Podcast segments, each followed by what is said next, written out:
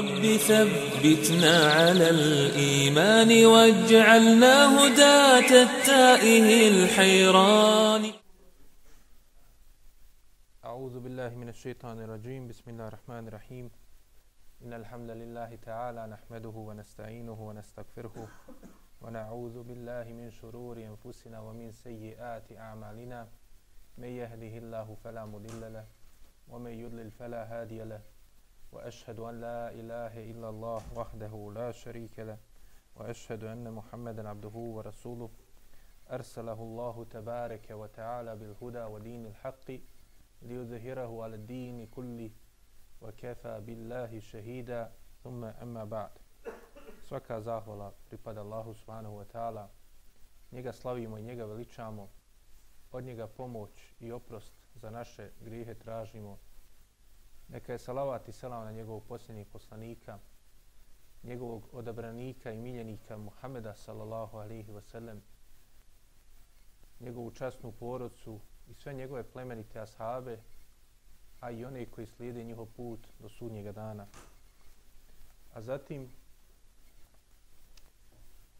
počeli smo prošli put govoriti o jednom od ključnih događaja u životu Allahovog poslanika sallallahu alaihi ve sellem i životu njegovih ashaba ali također i životu i čitavoj ukupnoj povijesti ovoga umeta a također nakon toga i čitavog čovečanstva zato što poslanik Muhammed sallallahu alaihi ve sellem koji je poslan kao pečat i vjerovjesnika i poslanika kao zadnji Allahu poslanik i vjerovjesnik.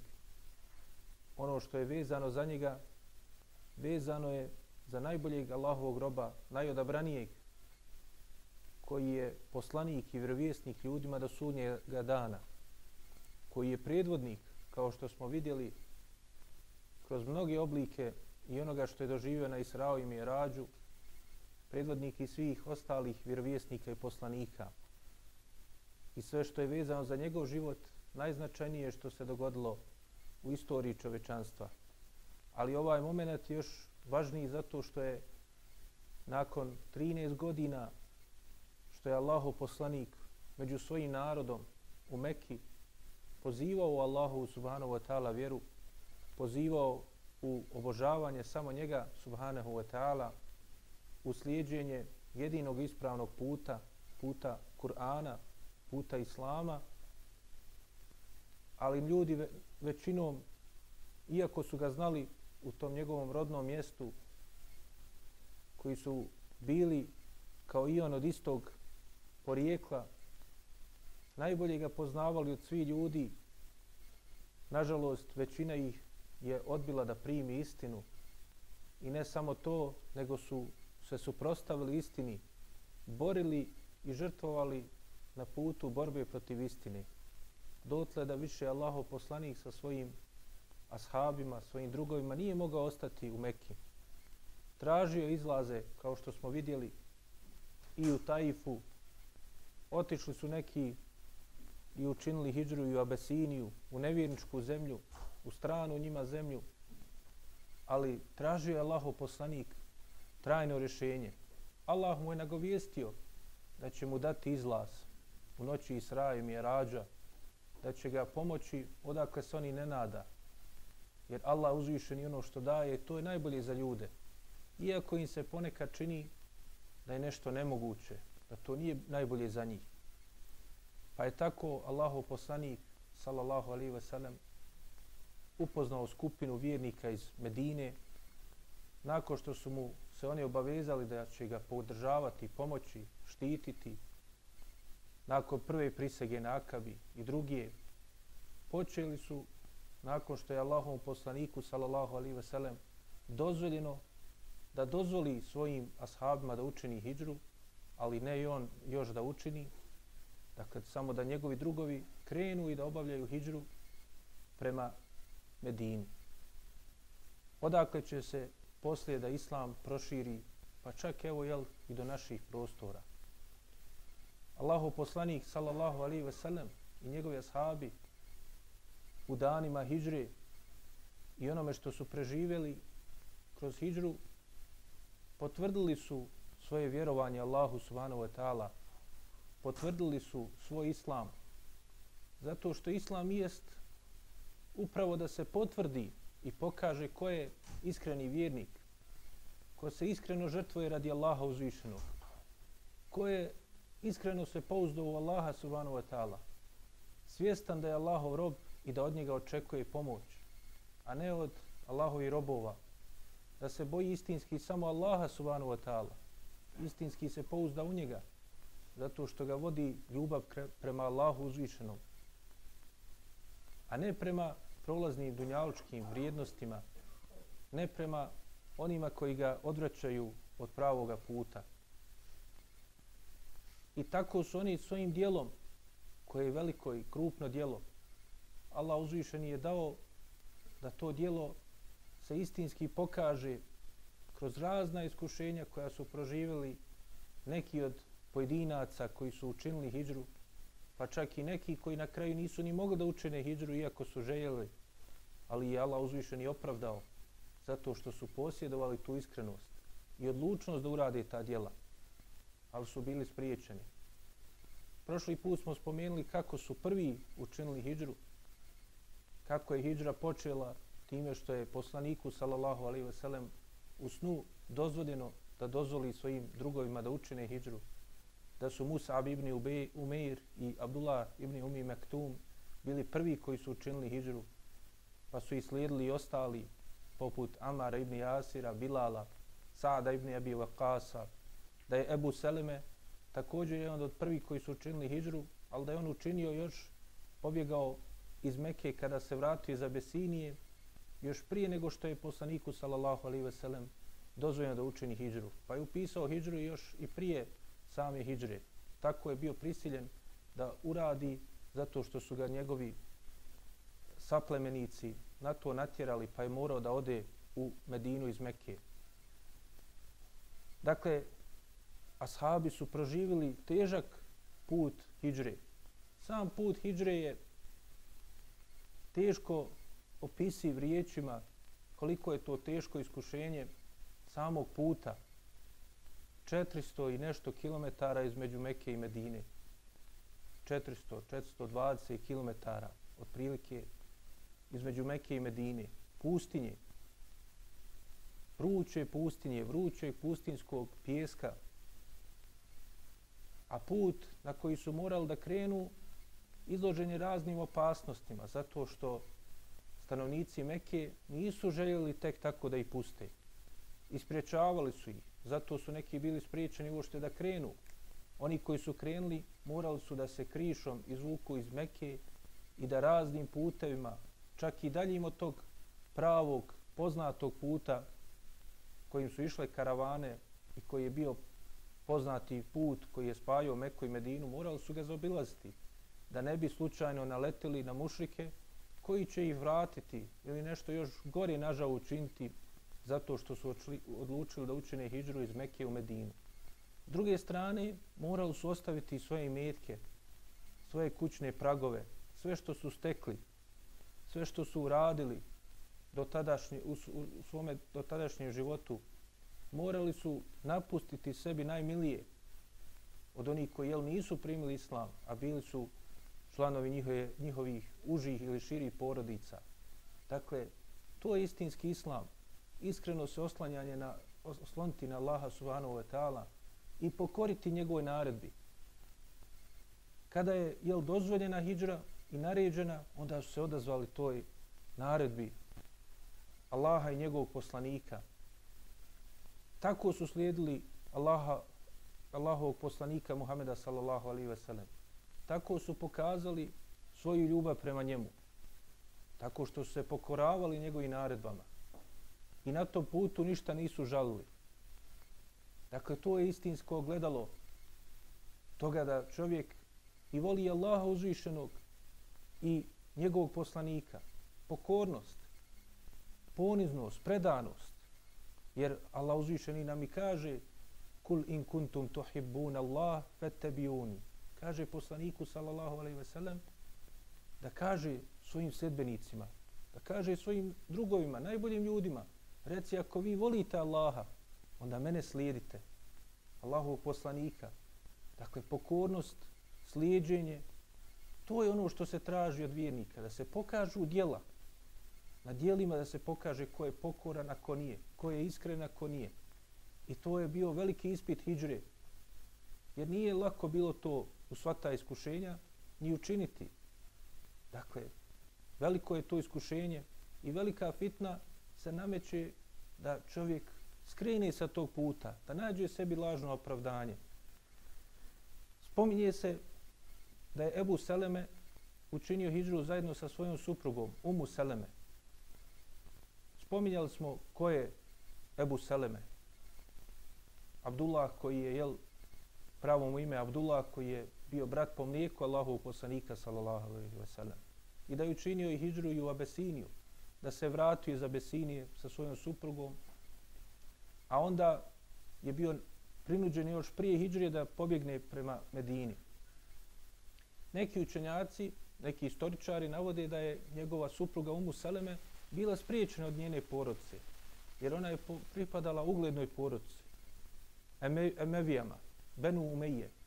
Dakle, ona je u stvari, njeno ime je Hind bint Ebu Umeije, čerka Ebu Umeije, jednog od predvodnika te porodice koji će posle jel, imati veliku ulogu u islamu, ali u tom vremenu još uvijek mušici. Pa se spominje u tim predajama da je ona bila spriječena, pa tek da je Osman ibn Talha, da je on odveo u Medinu, a da je tada još uvijek bio mušik. No međutim, ta predaje i predaje koje govore o tome da je ona bila spriječena od porodce, imaju u sebi slabosti i nisu vjerodostane. Nego Allah najbolje zna dakle, da je ona zajedno sa svojim suprugom učinila hijđru i da je zajedno s njim otišla. Ali, dakle, to nam nagovještava da su oni imali iskušenja na tome putu. Također, Amir ibn Rabija, kojeg smo također spominjali da je jedan od prvih koji učinio hijđru u Abesiniju, vratio se iz Abesinije zajedno sa svojom suprugom s kojom je učinio hijđru u Abesiniju, Lejlom, čerkom Ebi Hasme, pa kaže, I oni su odmah među prvima bili, dakle, čak neki koji jel, uzimaju u obzir ovu predaju koju smo spomenuli za Umu Saleme da je bila spriječena, naćemo da spominju ovu Lelu, čerku Ebu Hasme, da je ona bila prva žena koja je učinila hijđru.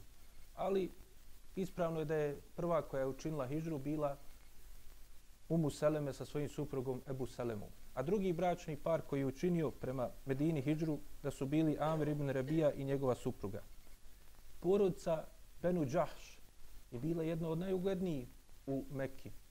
Imali su velike posjede, veliki ugled, poštovani i cijenjeni. Ali kada je naređena hijđra, svi su otišli, i veliko i malo, i staro i mlado, i oni koji su bili sposobni i oni kojima je to bilo teže. Neki od njih su bili čak i slijepi, ali su svi zajedno odlučili da učine hijđru nakon što je naređena. Pa se spominje u slučaju jednog od velikana te porodice i velikana Islama, Abdullaha ibn Džahša, čiju uglogu ćemo kasnije vidjeti kako je bila slavna i velika, da je on bio jedan od tih koji su predvodili ovu porodcu u Hidžri. Samo neki od koji su još iz ove porodice spomenut ćemo Zeyneb i Umu Habive, čiju ćemo također ulogu kasnije vidjeti ovi častni žena, ko su one bile i kakav su položaj u islamu zauzele. Oni su, kaže, učinili hijđru, pa je, kaže, Abdullah i poveo svoga brata Ebu Ahmeda, koji je bio slijep. Svi su učinili hijđru, tako, kaže, da su kuće koje su bile posebno cijenjene i lijepe i ugledne, da su postale prazne, naišli su, kaže, poslije Utbe ibn Rebija i Ebu Džehl i Abbas ibn Abdul Mutalib, kaže, naišli su pored tih kuća, pa je Utbe ibn Rebija kada je ugledao kako su prazne, kako ništa u njima nije ostalo, kako od vjetra prozori klepeću i kako je već prašina spala na njih, kaže, začudio se i nije mogao da se suzdrži. Utbe ibn Rabija i rekao je pogledajte, čak u stihu opjevo kaže pogledajte kako sad i te kuće plaću za njima što su ih ostavili. Ebu Džehl kada je to, rekao, kada je to čuo rekao je nemamo zašto žaliti za njima. Kaže i, na on, i naj, to su najprostiji ljudi što su tako uradili. Nema se zašto plaka za njima. Ko su oni? Tako zlo po njegovom gledanju su jel učinili. Pa kaže, okrenuo se Abbasu ibn Abdul Mutalibu i rekao, ovo je sve, kaže, zbog djelovanja tvoga bratića. On je taj koji je ovo prouzrokovo. Razdvojio je porodce, pocijepo naše društvo, razjedinio našu zajednicu, uništio našu zajednicu. Abbas ibn Abdul Mutalib mu ništa nije mogao reći. Jer je to ta njihova logika mušička. Logika svih nepravednika i zalima. Da kada ljudima čine nepravdu, onda im stalno prebacuju krivicu. Pa kada se pobune ti kojima je nepravda učinjena i kada dođe do nekih promjena, onda kažu da su ti kojima je nepravda činjena, da su oni krivi. Da su oni sami to prouzrokovali. A ne njihova nepravda, ne njihovo odbijanje istine, ne njihova borba protiv istine, nego vi ste krivi. Što niste nastavili da budete potlačeni? Što niste nastavili da trpite naš zulum? To je ta logika koju je zastupao i Ebu Džehl i svi oni koji slijede njegov put. Dakle, nije bilo lako ashabima da učine hijđru. Velika iskušenja su na tome putu preživjeli. Spomenuli smo da je u velikoj skupini nakon ovih pojedinaca učinio hijđru i Omer radijallahu anhu. Poznato je kazivanje kako je Omer radijallahu anhu javno izašao pred mušrike i rekao ja činim hijđru, pa ko smije nek me pokuša sada spriječiti. Koga kaže, ko ne žali da ga majka žali, nek me pokuša spriječiti. No međutim, ta predane, predaja je slaba, nije vjerodostojna. Vjerodostojno je prenešeno da je Omer zajedno sa skupinom učinio hijđru, a između ostalog došlo je pojašnjenje ko je bio u toj skupini, kao što spominje Ibn Isak, da je zajedno s njim bio i njegov brat Zaid ibn Khattab, da je bio Said ibn Zaid također, i još neki koji se spominju. Između ostalog spominje se u jednoj od tih predaja da je Omer radijallahu anhu zajedno sa Hišamom ibn Asom, ibn Vajlom Esehmijem i Ajašom ibn Rebijom učinio hijđru. Da su zajedno njih trojica zajedno krenuli. Ovaj Hišam je sin Asa ibn Vajla Esehmija, koji je, kojeg smo spominjali da kada je Omer primio islam, pa se zatvorio u kuću, pa su ljudi došli i željeli da ubiju Omera zato što je primio islam, zato što nisu se mogli pomiriti da takva ličnost primi islam, iz čega se vidi da Omer Adjelanu, iako je bio velika ličnost, iako je bio hrabar, junak i vitez, on ipak nije tek tako mogao izaći pred njih. Niti da je vjerodostojna, kao što smo rekli, sam lanac predaje je slab, da je on izašao i rekao njima ja činim hijđru pa pokušajte me spriječiti. Ipak, mnogo je njih nasprav njega samog nije se mogao on protiv svih njih e, suprostaviti.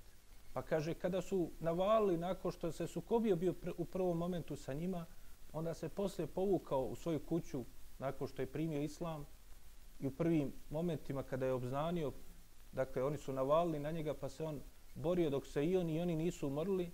Nakon toga se povuku u kuću pa mu je poslije toga došao As ibn Vail Esehmi i upitao ga šta je bilo. Pa je on rekao, kaže, ovi ljudi hoće da me ubiju.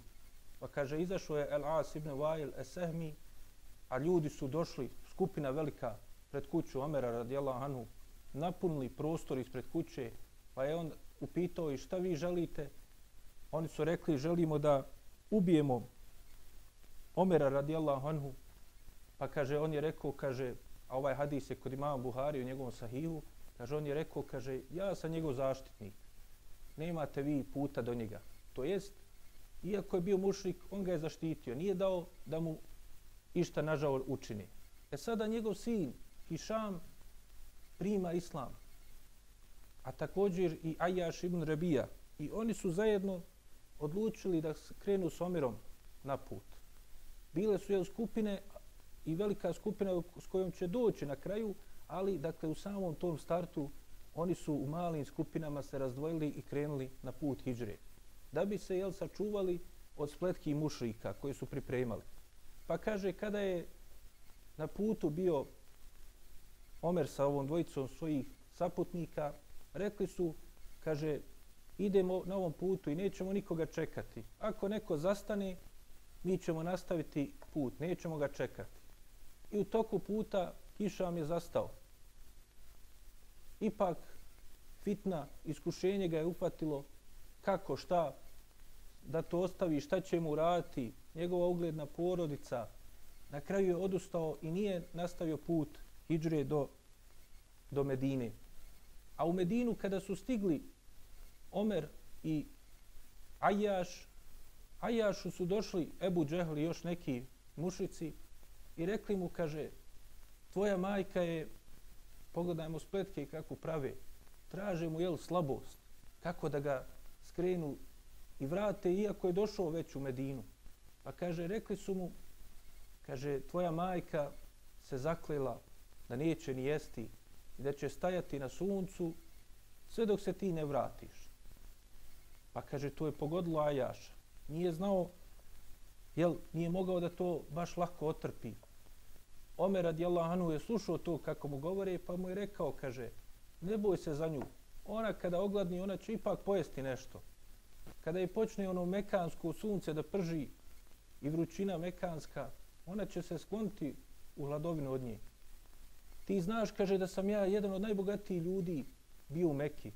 Daću ti pola svoga imetka. Samo nemoj poslušati ovo što ti ovi spletkari. Daje mu Omer pola imetka, ali nemoj to urat.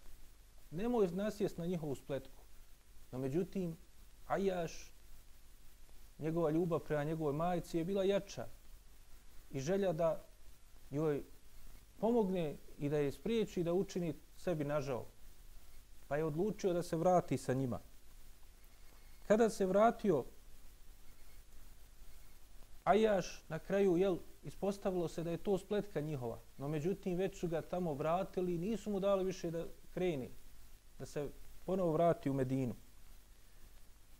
Kaže, nakon toga, Omer radijallahu anhu spominje da su stanovnici Jel Medine, to jest ovi koji su učinili hijđru, govorili za te koji nisu učinili hijđru, da kaže više nema spasa za njih. Učinili su Jel takav velik prijestup poput ova dvo, ove dvojice pojedinaca da kako će i ništa više biti primljeno. Kako će se nakon toga vratiti na put, na džadu istine, nakon što su odbili jel, na ovom dijelu da pokažu svoju vjeru, da pokažu svoju pokornost Allahu subhanahu wa ta'ala. I onda nakon toga je Allah uzvišen i objavio ajete u kojim pokazuje se jel, i dokazuje još jednom veličanstvenost Allahove milosti.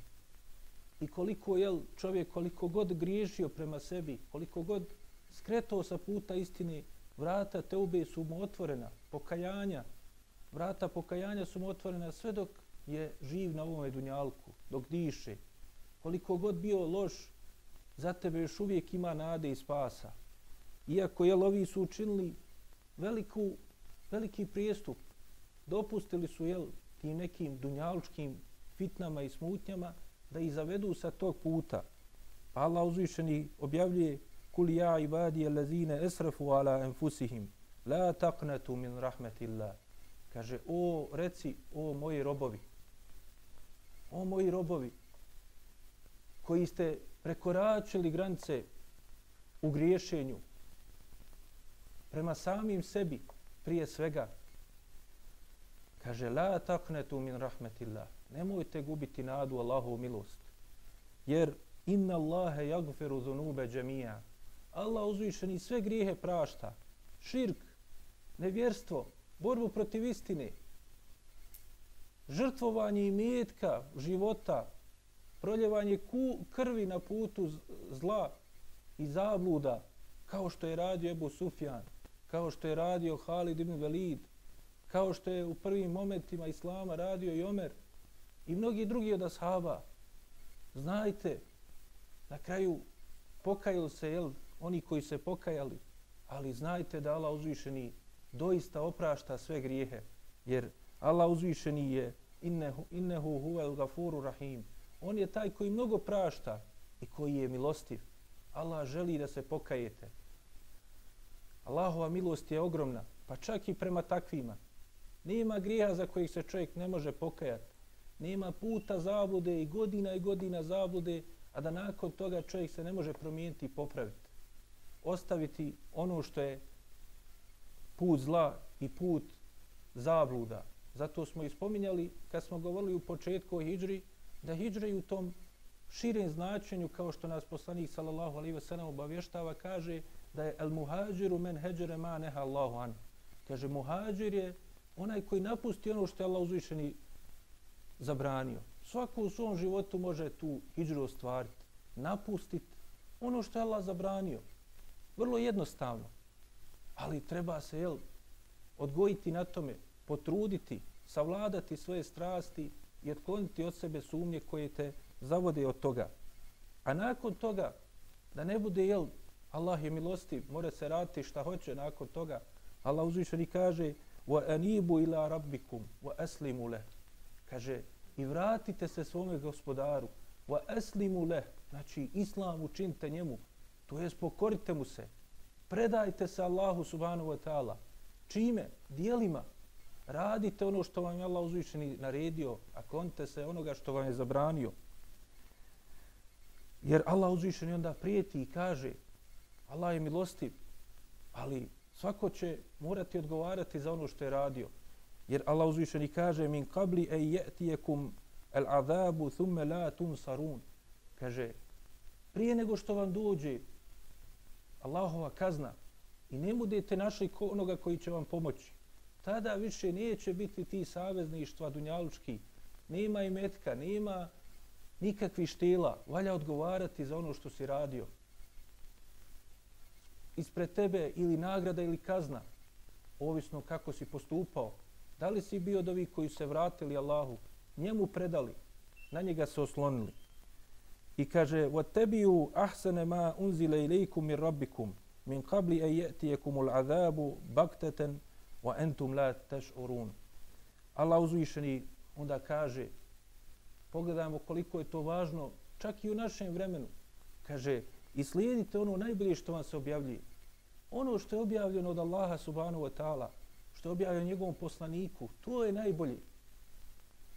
Zato čudit se danas što kažu, jel, kada bi neke stvari koje su poznate novotarije, kada bi neko utvrdio da su one od suneta, vidjeli bi one koji sad ih brane da bi napadali.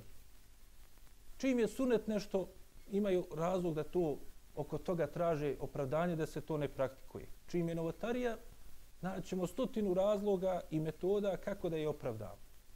Allah uzvišeni kaže, najbolje je ono što je od njega objavljeno, od gospodara nebesa i zemlje, onoga koji je pomogao Allahov poslanika, sallallahu alaihi ve sellem, koji ga je odlikovo svim ovim čima ga je odlikovo. Pa zar može biti bolje od onoga što je on poslao po svome poslaniku, svome, njegov, njegovim E, svojim robovima na Dunjaluku. Zar može biti išta bolje od toga? A s druge strane, jel, nećete tako. Nećete ono što je objavljeno od gospodara. Nećete da to slijedite. I ovdje se kaže da se slijedi, to je da se to praktikuje. Ne da samo se hvalimo time, da to ističemo, nego da radimo po tome.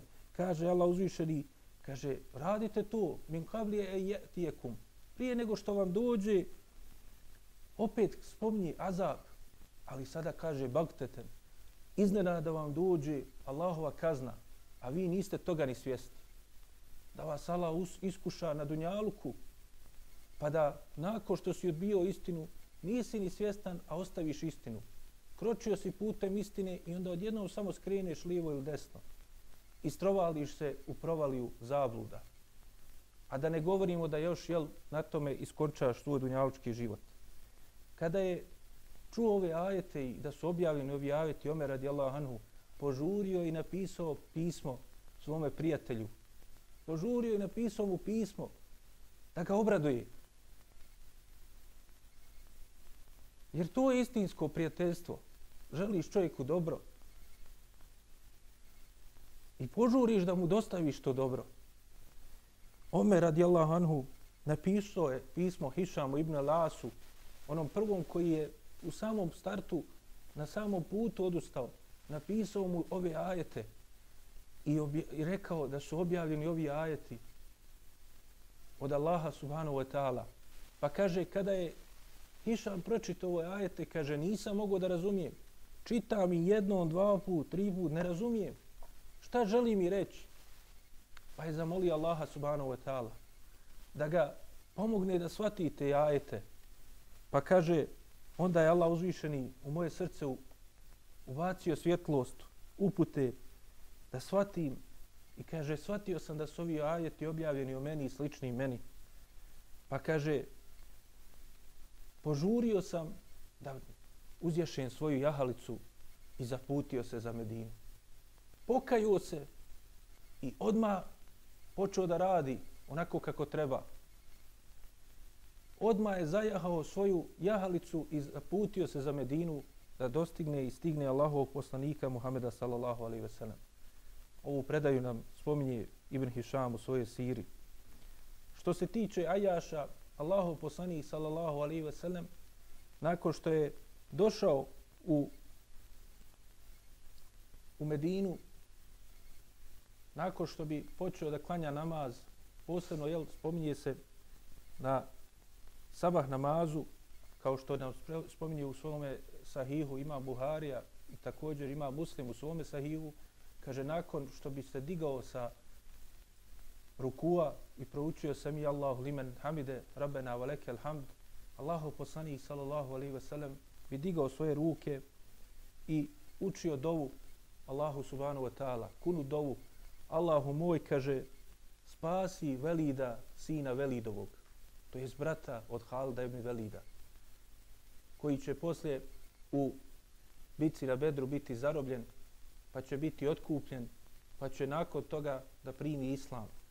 Pa će reći, zašto si primio islam tek sada? Što nisi primio islam prije nego što smo dali noliki imeta da te otkupimo? Kaže, tako mi Allaha, kaže da ne bi rekli da sam primio islam samo da ne bi platili krvarinu i otkup za mene. Također, poslanik sallallahu alaihi sellem učio je dovu i za Selemu, sina Hišamovog, koji je bio brat Amra ibn Hišama, to jeste Ebu Džehla, koji također je primio islam, ali je bio spriječen od Ebu Džehla i njegove porodice da, pri, da učini hijđru. I također Ajaša ibn Ebi Rabiju i ostale, kaže, od onih koji su slabi i nemoćni da učine hijđru od vjernika. Pa je Allah uzvišeni dao da su poslije, jel, neki kasnije, a neki prije učinili hijđru i došli Allahovom poslaniku, sallallahu alaihi ve sellem. Prvi koji je imamio muslimanima u Medini, prije nego što je došao poslanik, sallallahu alaihi ve sellem, od ovih koji su jel, učinili hidžru, ne onih koji smo spominjali prije od Esarija, bio je Salim Meula Ebi Huzeife. Salim također je jedan od tih velikana koji je Allah uzvišeni uzdigao baš kao što je i poslanik sallallahu alaihi ve sellem nas i obavijestio u hadisu koji nam spominje ima muslim da Allah uzvišeni uzdiže neke ljude sa Kur'anom sa ovom knjigom kaže a s druge spušta Salim je bio jedan od najučenijih u Kur'anu. Pa je čak kod imama Buharije se spominje da je on predvodio muslimane te muhađire u Kuba u namazu, a kaže tu su bili Ebu Bekr i Omer i mnogi drugi veliki ashabi. Hafiz ibn Hajar pojašnjavajući otkud Ebu Bekr tu, dakle on, tek ćemo vidjeti, je učinio je hijđu sa poslanikom, sallallahu alaihi ve sellem, To je zato, kaže, što je, jel, poslije kada je došao poslanik, sallallahu alaihi ve sellem, sa Ebu Bekrom, poslanik, sallallahu alaihi ve sellem, je otišao kod Ebu Ejub Alensarije, a ostao je Salim Mevla Ebi Huzeife da ih predvodi u namazu. Dakle, svi ti velikani tu, a Salim ih predvodi u namazu. Salim je u stvari sin Makila i on je bio perzijskog porijekla i bio je kod Ebu Huzeife kao rob. Ali ga je posle Ebu Huzeife oslobodio I onda su oni zajedno učinili hijđru i Abesiniju, zajedno su učinili hijđru u Medinu. I on je bio, dakle, štićeni Kebu Huzefe. Na kraju i jedan i drugi su junaci bitke na Jermuku, gdje su zajedno kao šefidi preselili čak čak spominje Halid ibn Velid kada je na samrti pričao sa Salimom a ovaj ga upitao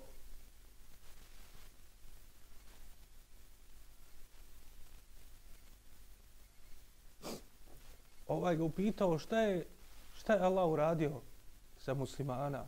Jesu pobjedili u toj bici pa kaže Halid raduj se Allahovoj pomoći i pobjedi a kaže a šta je uradio Ebu Huzeife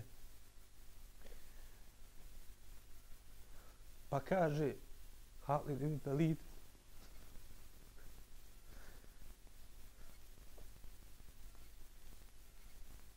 Hvala Kaže, eto ga pored tebe. Preselio kao šehid. Pa kaže, zajedno smo bili na Dunjalku. Uz Allahu pomoć da zajedno budemo i na Ahiretu. Ovo je bio rob njegov, a ovo je bio njegov gospodar. Ali Islam ih je okupio i na tom putu su zajedno i završili. Jer Allah uzvišeni uzdiže ljude sa Kur'anom, sa slijedženjem puta istine.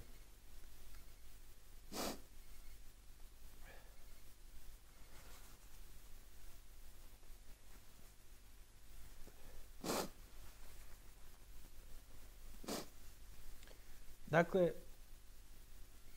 to je što se tiče oni koji su učinili hijđru prije Allahov poslanika sallallahu alaihi ve sellem. Sam Allahov poslanik sallallahu alaihi ve sellem je ostao da čeka dozvolu da učini hijđru. Dakle, Allahov poslanik, njegovi drugovi odlaze, ali on čeka dozvolu njemu da on učini hijđru. Ništa ne radi na svoju ruku. Allahov rob pokorni. Ništa više ni manje od toga. Najbolji položaj koji čovjek može imati čeka naredbu od gospodara svoga. Potpuno, je predanost Allahu Subhanahu wa ta'ala naredbi. Ashabi učinili već, u, otišli mnogi. Mušici prave spletke i spremaju, ali poslanik, sallallahu alaihi ve sellem, čeka dozvolu. A s druge strane se priprema za hijđru. Spomenuli smo prethodno prošlom predavanju da u hadisu kod imama Buharije se spominje da je Ebu Bekr radijallahu anhu želio da učini hijđru i u Abesiniju i bio izašao i onda je sreo onog jednog od velikana plemena Kare Ibn Daginu koji ga je vratio koji mu je rekao takav kakav ti ne odlazi i ne, vrać, i, i ne istjeruje se iz određenog mjesta. I dao mu zaštitu i vratio ga u Meku. I onda su samo zahtijevali mušici da on uči Kur'an javno zato što Ebu Bekr kad bi učio Kur'an javno i općenito kad bi učio Kur'an dosta je plakao.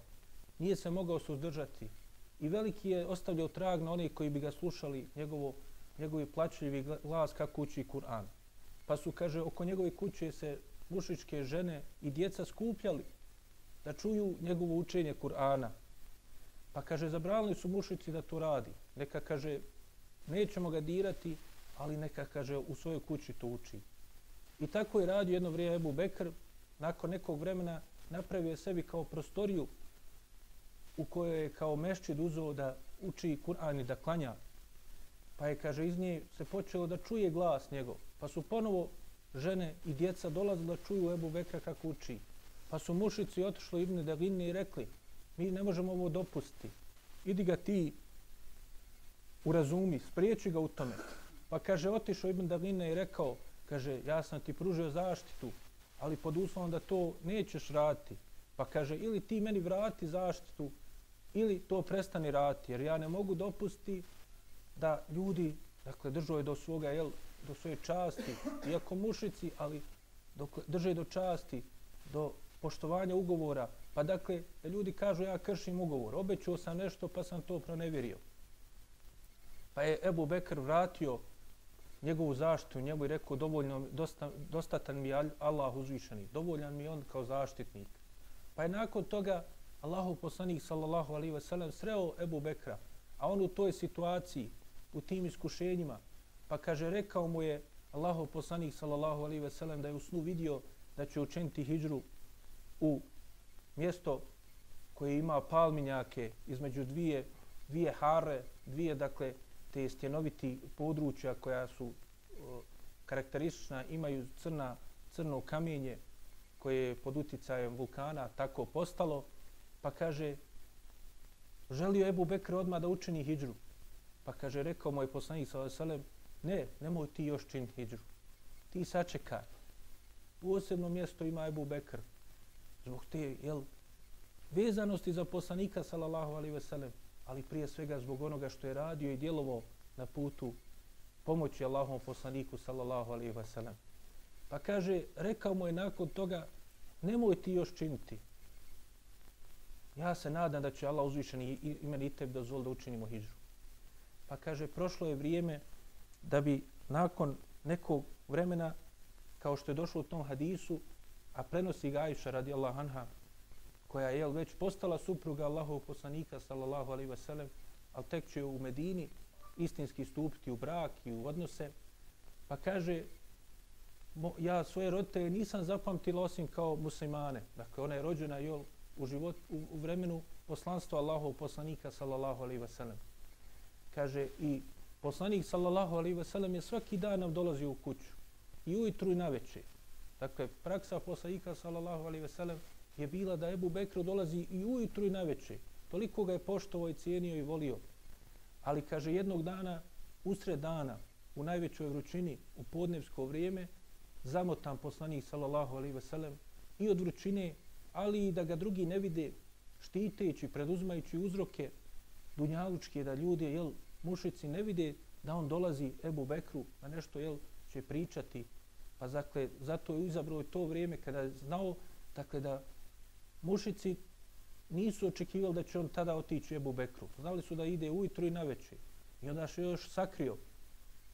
I kada ga je ugledao Ebu Bekr, rekli su mu oni koji su bili sa njim od ukućana, a to su bili Ajša i njegova kćerka Esma i njegova supruga, kaže, eno ide Allahov poslanik sallallahu alaihi wasallam. Pa kaže, rekao Ebu Bekr, kaže, žrtvovao bi i oca i majku za njega, ovo je sigurno nešto veliko čim dolazi ovo vrijeme. Pa kaže, kada je ušao odnosno poslanik sallallahu alaihi ve sellem je došao do njegove kuće i zatražio dozvol da uđe. Dakle, čak je i takva ličnost kakav je Allahov poslanik sallallahu alaihi ve sellem, čak i kod tako njegovog bliskog prijatelja, stao je opet zatražio dozvol da uđe u kuću. Pa kaže onda kada mu je dozvolio Ebu Bekr, on je ušao i rekao mu neka izađu svi u kućan, imam ti nešto reći. Pa mu je Ebu Bekr radijallahu rekao, Allaho poslaniće, oca bi za tebe žrtvovao, ali ovo sve oko tebe, to su tvoji ukućani, to je tvoja porodca. Zato što su jel, stupili u tazbinske te veze. I s druge strane, što nema razloga da ništa pred njima krije. Oni neće izdati tvoju tajnu, Allaho poslaniće. Pa kaže, nakon toga, Allahov poslanik, sallallahu alaihi wa sallam, je rekao Ebu Bekru, naređeno mi je da učinim hijđru. I kaže, upito Ebu Bekr, jel da i ja s tobom idem, Allahov poslaniće? Da, kaže, i ti ideš sa mnom. Pa kaže se dalje u tom hadisu da je Ebu Bekr već bio pripremio nakon što mu je poslanik sallallahu alaihi ve sellem rekao da čeka dozvol da učini hijđru, već bio pripremio dvije jahalice. Pa je rekao, kaže, Allahu poslaniće, ja sam pripremio dvije jahalice koje svo vrijeme hranio, pripremio za taj teški put. Pa kaže, uzmi jednu Allahu poslaniće od mene. Pa je rekao poslanik sallallahu alaihi ve sellem, uzeću, ali za cijenu. Zato što poslanik sallallahu alejhi ve sellem kao što kažu komentatori ovoga dijela hadisa, kaže zato što je želio da poslanik sallallahu alejhi ve sellem svojim imetkom učestvuje u toj hidžri, da on isto upiše dakle sevap i žrtvovanje svoga imetka na tome putu. Iako je Ebu Bekr, kao što je poslanik sallallahu alejhi ve sellem u mnoštvu hadisa nam rekao da je najviše cijenio i najviše koristimo od imetka Ebu Bekra. Pa se spominje u jednom od tih hadisa, kaže da je poslanik sallallahu alaihi ve sellem hadis koji je čak prije samog ovog hadisa u, u sahihu Buhari, u Buharinom sahihu, pa kaže, rekao je poslanik sallallahu alaihi ve sellem, kaže, nisam vidio čovjeka koji je povjerljiviji u odnosu sa mnom i u prijateljstvu i u imetku od Ebu Bekra. Pa kaže, kaže da uzo bi ga za prisnog prijatelja Halila, da nije prijateljstva Islama. Onog prijateljstva koje smo prethodno spominjali. Dakle, i onoga koje je vezanje na istini, radi istine, radi savjetovanja na istini i ustrajavanja na putu Allahovom subhanahu wa ta'ala. Pa kaže, da ni, ali ima, kaže, to prijateljstvo Islama. U drugom hadisu se također spominje da je Ebu Bekr radijallahu anhu, Allahov poslanik sallallahu alaihi wasallam rekao, kaže, nije mi više koristio ničiji metak od Ebu Bekrovog. Pa kaže, Ebu Bekr je radijallahu anhu zaplakao, kaže, Allahov poslaniće, i roditelje, i majku i oca bi za tebe žrtvovali. Pa kaže, šta bi mi bili bez tebe? Da nije tebe, da nas ti nisi uputio na put istine, da nas ti nisi učinio od onih koji slijede ono što je, jel, kako smo prethodno vidjeli, najbolje što Allah uzvišeni objavljuje, šta bi mi imali drugo? Drugim riječima, šta ja drugo mogu još i da žrtvujem? Nakon toga, jel, dalje se kaže u ovom hadisu da je Allahov poslanik sa Ebu Bekrom odlučio da krišom noću izađu iz kuće i otišli su u pećinu Seur. I tu se krili tri dana. Što se tiče onih predaja koji govori o tome da je došlo do sastanka vođa mušrika kada su osjetili da će Allahu poslanik sallallahu alaihi ve sellem uskoro učiniti hijđru i da su tu čak dogovorili šta će da urade, spletke pripremali. Dakle, te predaje imaju svoju slabost. Posebno onaj dio i on je izmišljen da je tu čak i Iblis došao lično i učestvovao.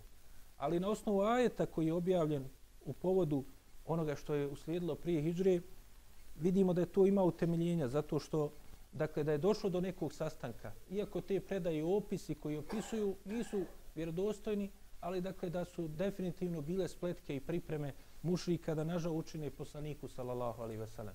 Samo jel ne možemo uzeti te detalje onako tek kako su došli u tim predajama. Jer Allah uzvišen je objavio وَإِذْ يَمْكُرُ بِكَ الَّذِينَ كَفَرُوا لِيُسْبِتُوكَ li وَيُخْرِجُوكَ. Kaže kad su spletkarili ti oni koji su spletkarili ili da te kaže zatvore ili da te ubiju ili da te istjeraju. Dakle, to su bile njihove opcije. Više nema šta da se drugo uradi. Sve su i metode propale. Jedina je ostala ta sila. Jedini argument sile je ostao. Ili da poslanika zatvore, okuju, da ga spriječe više totalno utamniče ga, ili da ga ubiju, ili da ga istiraju, ali tamo gdje oni hoće da ga istiraju. Allah uzvišeni dalje kaže vajem kurune, vajem kurullah, wallahu hayrul makirin. Oni spletkari, ali Allah njima spletke pravi. Allah uzvišeni je najbolji u tome. Znači oni misle nekoga da na iznenada napadnu i da mu zlo učine. Allah uzvišeni kada napravi zamku onome koje je zaslužio to, on je najbolji u tome. Zato što je taj zaslužio. I nije ovo, jel, da je to od svoje stava majkovosti za Allaha subhanahu wa ta'ala, nego to je posebno i specifično za takve slučajeve. Kao što su ovi mušici, jel, koji su radili ono sve što su radili. Pa dakle, Allahov poslanik, sallallahu alaihi veselem, preduzo je sve uzroke. Spomnije se, jel, također da je ostavio Aliju radijallahu anhu u svome, svojoj kući da on prenoći da mušrici visne da je on tu. Također te predaje imaju slabost. Ne isključuju da je doista Alija radijallahu anhu ostao, ali ukazuje dakle da je poslanik sallallahu alejhi ve sellem još prije toga otišao i nije se vratio kući. Također predaju kojima kaže da je poslanik sallallahu alejhi ve sellem nakon što su oni okružili kuću da je izašao i stavljao zemlju na, njima na glavu pa tako da ga oni nisu vidjeli također imaju slabosti slabe su i nisu vjerodostojno prerešene da se tako nešto desilo. Nego Allah najbolje zna poslanik sallallahu alaihi ve sellem obaviješten objavom šta oni spremaju, nije se ni vraćao kući, nego je direktno od Ebu Bekra krenuo u pećinu.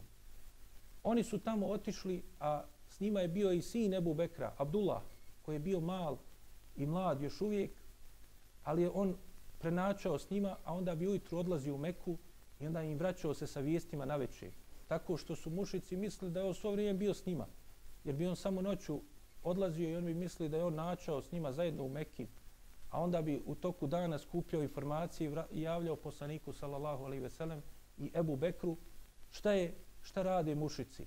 Također Amir ibn Fuhire, oslobođeni rob kojeg je oslobodio također Ebu Bekr koji je primio islam, čuvao je za njega stado ovaca, pa je on dolazio tri dana ta, sa tim stadom ovaca kao da ih vodi na ispašu, ali baš u blizini pećine tako da ne bude sumnjivo i onda su poslanik sallallahu alejhi ve sellem i Abu Bekr odatle uzimali mlijeko i napajali se. Ponijeli su također i hranu, pa se spominje da je Esma, čerka Ebu Bekrova, pripremila tu hranu i stavila u zavežanj, ali nije imala čime da ga sveže.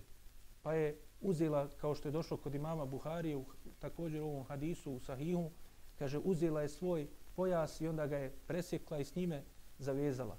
I zato je ona postala poznata kao Zatu Nateqin, to jeste ona sa dva pojasa. Zbog toga što je jel, žrtvovala svoj pojas da bi pomogla poslanika sallallahu alaihi veselem i svoga babu u hijđri. Tako da su oni ostali tri dana u pećini. Također, Esma radijallahu anha spominje u jednoj predaji koja je došla kod Ibn Hišama, kaže, došao je Ebu Kuhafe, koji je već bio slijep, a on je njen djed, to jest otac od Ebu Bekra. Pa kaže, on je rekao, kaj doista vas je Ebu Bekr ostavio bez ičega. Otišao i ostavio vas. Jer se spominje, kao što je sama Jesma nam prenosi, radi Allah Anha, da je on uzao pet ili šest hiljada dinara koji imao kod se, dirhema, koji imao u kući srebrnjaka i da je ponio sa sobom. Pa kaže, ona je rekla da bi umirila svoga djeda, kaže, nije to tako. Pa kaže, uzela je određenu, e, dakle, kesu koju je držao obično Ebu Bekr novac i kaže, stavila u njega kamenje i svezala i dala Ebu Kuhafi, jel, koji je slijep, da do, dotakne tu kesu. Pa je on je prepoznao po dodiru i osjetio da u njoj nešto ima. Pa kaže, onda je, kaže, se umirio i rekao, ako je tako, dobro je, znači ostavio je nešto vama. Ali dakle, pogledajmo koliko su jel, spremni bili da žrtvuju se.